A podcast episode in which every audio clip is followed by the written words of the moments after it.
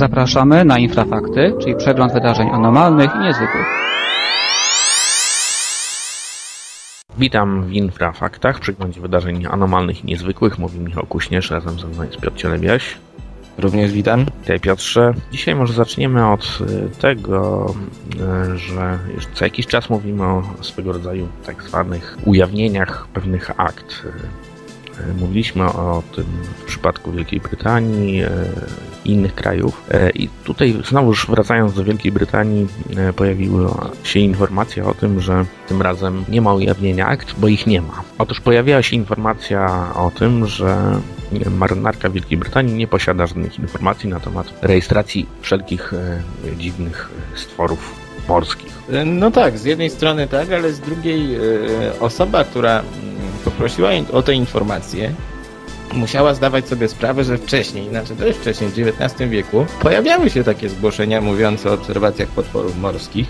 Mhm. Tutaj oczywiście wszyscy myśląc o potworach morskich i wodnych mają na myśli potwora z Loch Ness dość nadal popularnego w Wielkiej Brytanii. Natomiast co się okazało, mm, e, marynarka mm, Wielkiej Brytanii stwierdziła, że nie prowadzi ewidencji potworów morskich napotykanych przez, e, przez statki. Mhm. Z jednej strony to takie kuriozalne, z drugiej strony, strony to dość ciekawe, bo bo rzeczywiście, jak wspomniałem, w XIX wieku pojawiło się kilka relacji mówiących o obserwacjach dziwnych y, stworzeń, jakichś wężów morskich i tak dalej. No nie, nie łudźmy się, że w większości e, były to przykłady morskiej fauny. Mhm. No ale to też pewnie wskazuje na to, że było jakieś, e, musiało być duże zainteresowanie, skoro, e, że tak powiem, no, dowództwo wydało takie oświadczenia. Czyli musiało być, musiało być wiele zapytań na ten temat. Prawdopodobnie tak. Wydaje mi się, że mm, jest to wciąż żywy temat. Natomiast y, ta sprawa węży morskich i tak dalej wciąż budzi jakieś zainteresowanie. I co jakiś czas dostajemy informacje o tym, że tu i ówdzie pojawiły się jakieś zwłoki na plaży, które nie mogą być zidentyfikowane. Potem okazuje się, że to jakiś rozkładający się waleń. Natomiast y, ta kwestia kryptozoologii, tych nieznanych zwierząt, wciąż jest popularna. Przykładem może być tutaj e, kwestia omawianego potwora z Loch Ness. Ciągle mamy jakieś nowe informacje. Między innymi e, jakiś czas temu pojawiły się, mm, pojawiła się podobna kwestia, to znaczy policyjna ewidencja obserwacji Nessy. Ale mhm. równocześnie później pojawiła się informacja, że potwór nie żyje, zdechł, dlatego go nie widać. E, dlatego myślę, że mm, owe potwory morskie, mimo że to stworzenia legendarne, to gdzieś w głębi mm, tego mitu drzemie mm, ziarenko prawdy związane z tym, że związane właściwie z obserwacjami rzadkich zwierząt morskich. E, tak, dokładnie. A jeśli już mówimy o e, tak zwanym odtajnieniu akt, e, to może przenieśmy się do Argentyny, e, gdzie to pani prezydent, e, pani Cristina Fernandez, powiedziała publicznie, że zajmie się właśnie sprawami związanymi z rejestracjami UFO, bowiem z taką prośbą zwrócili się do niej e, przed, znaczy przedstawiciele tamtejszych grup ufologicznych. No i właśnie ciekawe, czy możemy liczyć na jakieś oficjalne stanowisko władz Argentyny w tej sprawie. Oj, wydaje mi się, że to jest temat, który ciągle się gdzieś pojawia. Co więcej, w przypadku Argentyny bodajże E, takie akta kiedyś się już pojawiły, hmm. ale wydaje mi się, że to jest taki temat zastępczy, bo za, za, zauważmy nawet to, co działo się ostatnio w Wielkiej Brytanii po wyborach parlamentarnych. Jedną z kwestii, może taką nie pierwszorzędną, ale jedną, było to, czy prawda, nowy rząd odtajni akta o UFO. A przecież te akta o UFO mm, są sukcesywnie, prawda, e, publikowane. Odtajnione, dokładnie. Tak. Pojawia się, pojawia się zatem taki problem, że ludzie wciąż wierzą, że istnieją tajne akta UFO. Może to jest prawda, może nie. Natomiast wielokrotnie bywa to taki temat zastępczy. Jeżeli nie ma o czym mówić, to pomówmy o UFO. Szkoda, że w Polsce nie ma takich akt. Znaczy, no formalnie, właśnie. Formalnie nie ma. Kiedyś ponoć były. Kiedyś żeśmy się zastanawiali nad tym w jednej z audycji. Tak, tak. Trudno o tym w ogóle cokolwiek powiedzieć. Natomiast jeżeli chodzi o, o te odtajnienie, to, to wydaje mi się, że kwestia tutaj skupia się wokół tego, że te odtajnione akta są na tyle ciężko strawne i trudne do jakiejś analizy przez takiego zwykłego poszukiwacza sensacji, że on woli wierzyć, że jest tam jeszcze coś bardziej tajemniczego, bardziej takiego treściwego. Mhm. i bardziej skrótowego, bo prawda, te opasłe tomy, ta dokumentacja nie zawsze pozwala na to, żeby wyciągnąć z tego jakiś wniosek. No dokładnie, a być może po prostu wojsko rejestruje e, pewne e, fenomeny powietrzne e, czy też atmosferyczne i też do końca nie, po prostu nie wyjaśnia tego, tylko po prostu e, odnotowuje pewne e, zjawiska. No ale może odejdźmy od e, UFO na chwilę e, i przejdźmy w sferę życia po śmierci duchów. Bowiem ukazała się informacja dotycząca słynnego zdjęcia z 1995 roku pewnego pożaru e, w Londynie. Na tym zdjęciu fotograf uchwycił rzekomo ducha i e, niestety fotograf już nie żyje. No, do końca życia e, utrzymywał, że e, zdjęcie jest e, prawdziwe. E, Niczego przy tym e, nie, znaczy nie jest to swego rodzaju fotomontaż. Natomiast właśnie parę dni temu ukazała się informacja jednej z osób, która starała się rozwikłać tą zagadkę, że jednak to jest mistyfikacja. No właśnie, chodziło o mm, dość tajemniczą sprawę zdjęcia, które znane jest wszystkim tym, którzy kiedykolwiek przeglądali fotografię duchów, bowiem do tej pory ono było uważane za jedno z najlepszych. Wykonane zostało, jak powiedziałeś, w 1995 roku. Mm, Jego autor zmarł 10 lat później. E, Natomiast e, o co chodziło? Tutaj mm, w hali w listopadzie 95 roku pan Tony O'Reilly wykonał pewną fotografię, na której widać dziewczynkę, która mm, ma na sobie prawdopodobnie jakiś biały strój. Wygląda trochę jak dziecko idące do komunii. No i to zdjęcie, ponieważ on nie widział tej postaci, jest e, stawiane za jeden z najlepszych przykładów tutaj fotografii duchów.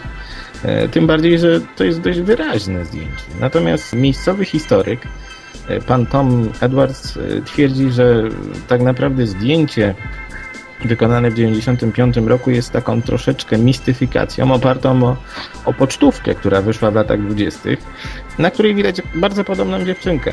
Mm, Znaczy być prawie może- że identyczną. tak, być może rzeczywiście, mm, być może rzeczywiście coś w tym jest. Ja myślę, że to i tak nie popsuje nastroju tym, którzy wierzą, że zdjęcie złem, bo tak się nazywa, jest e, rzeczywiście dowodem na istnienie duchów. Bo tak naprawdę, kiedy się przyglądamy tym wszystkim zdjęciom duchów, zauważamy, że no, tak naprawdę to brak wśród nich jakiegoś takiego zdecydowanego faworyta. Większość z nich jest podejrzana. Dużo z nich jest wykonanych w, w, w takich dość wątpliwych okolicznościach. O wielu z nich Hmm. właściwie niewiele wiemy. I co się okazuje, prawie tych rzekomych zdjęć duchów, szczególnie tych najstarszych, istnieje bardzo dużo kontrowersji i wydaje mi się, że ci, którzy twierdzą, tak zwani badacze duchów, którzy twierdzą, że są to jakieś e, jednoznaczne do, do, dowody, no są nieco w błędzie. No dokładnie, no każda z takich fotografii zawsze budzi kontrowersje i e, zawsze jest e, no, w pewien sposób podejrzana. A, a zresztą większość z nich e, prędzej czy później okazuje się e, swego rodzaju mistyfikacją, więc tutaj mamy kolejny dowód na to.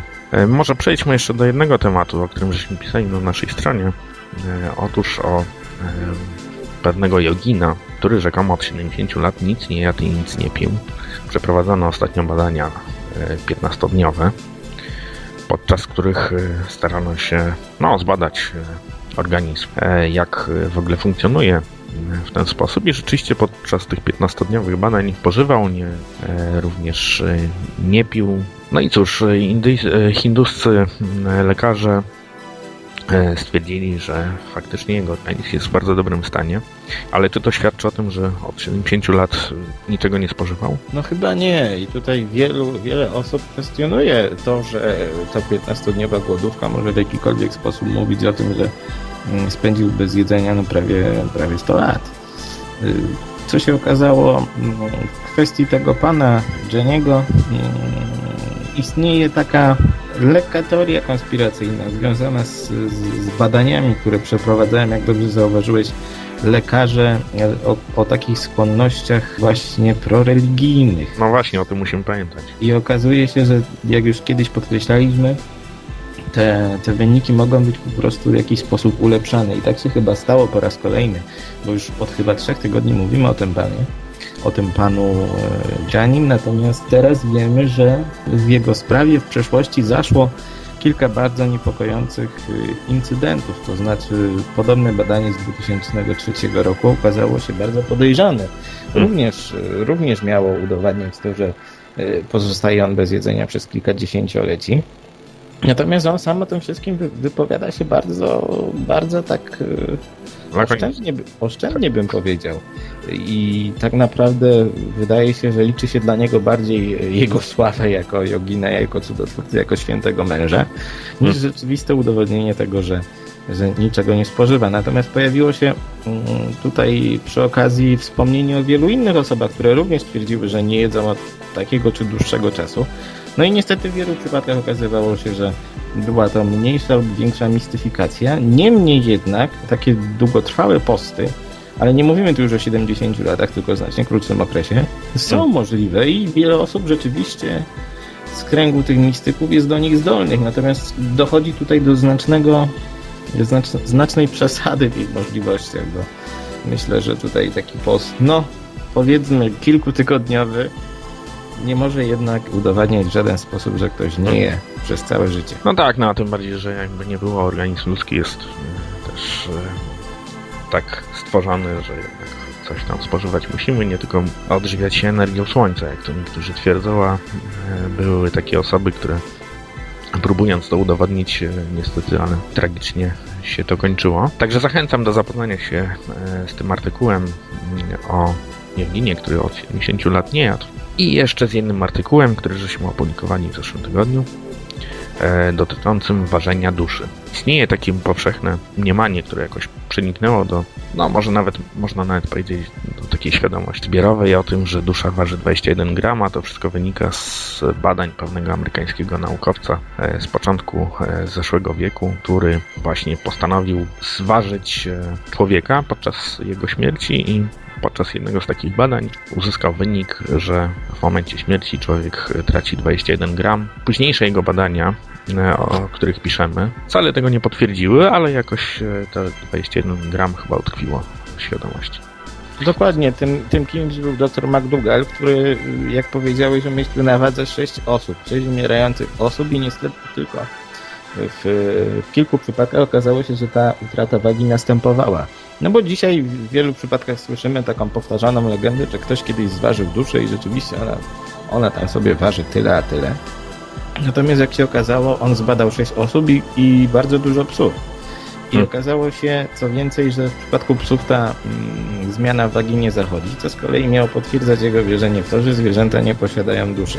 Mhm. I mm, idąc tym tropem, on tutaj e, zaczął nawet udowadniać, że jego wyniki są bardzo wiarygodne, natomiast to się okazało, yy, jego eksperyment usiany był problemami i tak naprawdę ta pierwsza próba, która wykazała, że dusza waży 21 gramów, yy, była jedyną, którą można brać jako taką pod uwagę, bo mm, w ogóle ten skomplikowany proces ważenia yy, również wpływał na to, jak on dochodził do tych yy, swoich wniosków. Niemniej jednak tym okresie, o którym mówimy, zainteresowanie duszą, spirytyzmem, podobnymi sprawami było powszechne. A i jak się okazało, dr McDougall, który właściwie mm, no, nie osiągnął zamierzonego celu, nie, nie udowodnił istnienia duszy, y, wszedł właśnie do tej powszechnej y, zbiorowej świadomości jako ten, któremu udało się coś, co jest właściwie niemożliwe. Y, także gorąco polecam zapoznanie się z tym artykułem, który no rzeczywiście jest bardzo ciekawy i rzuca wiele światła na to, jak to wszystko się stało, że dzisiaj mówimy o tym, ile waży taka przeciętna dusza. Tak. No dobrze, na koniec jeszcze wróćmy do tematyki UFO i powiedzmy o paru sprawach, ponieważ my prowadzimy ewidencję wszelkich e, relacji, które pojawiają się w Polsce. No zresztą nie tylko w Polsce, bo i z zagranicy też do nas e, spływają. E, jednak prowadzimy taką bazę obserwacji UFO e, w Polsce roku 2010 i ostatnio mieliśmy kilka ciekawych doniesień z różnych e, stron. Głównie to się koncentrowało e, na Mazowszu.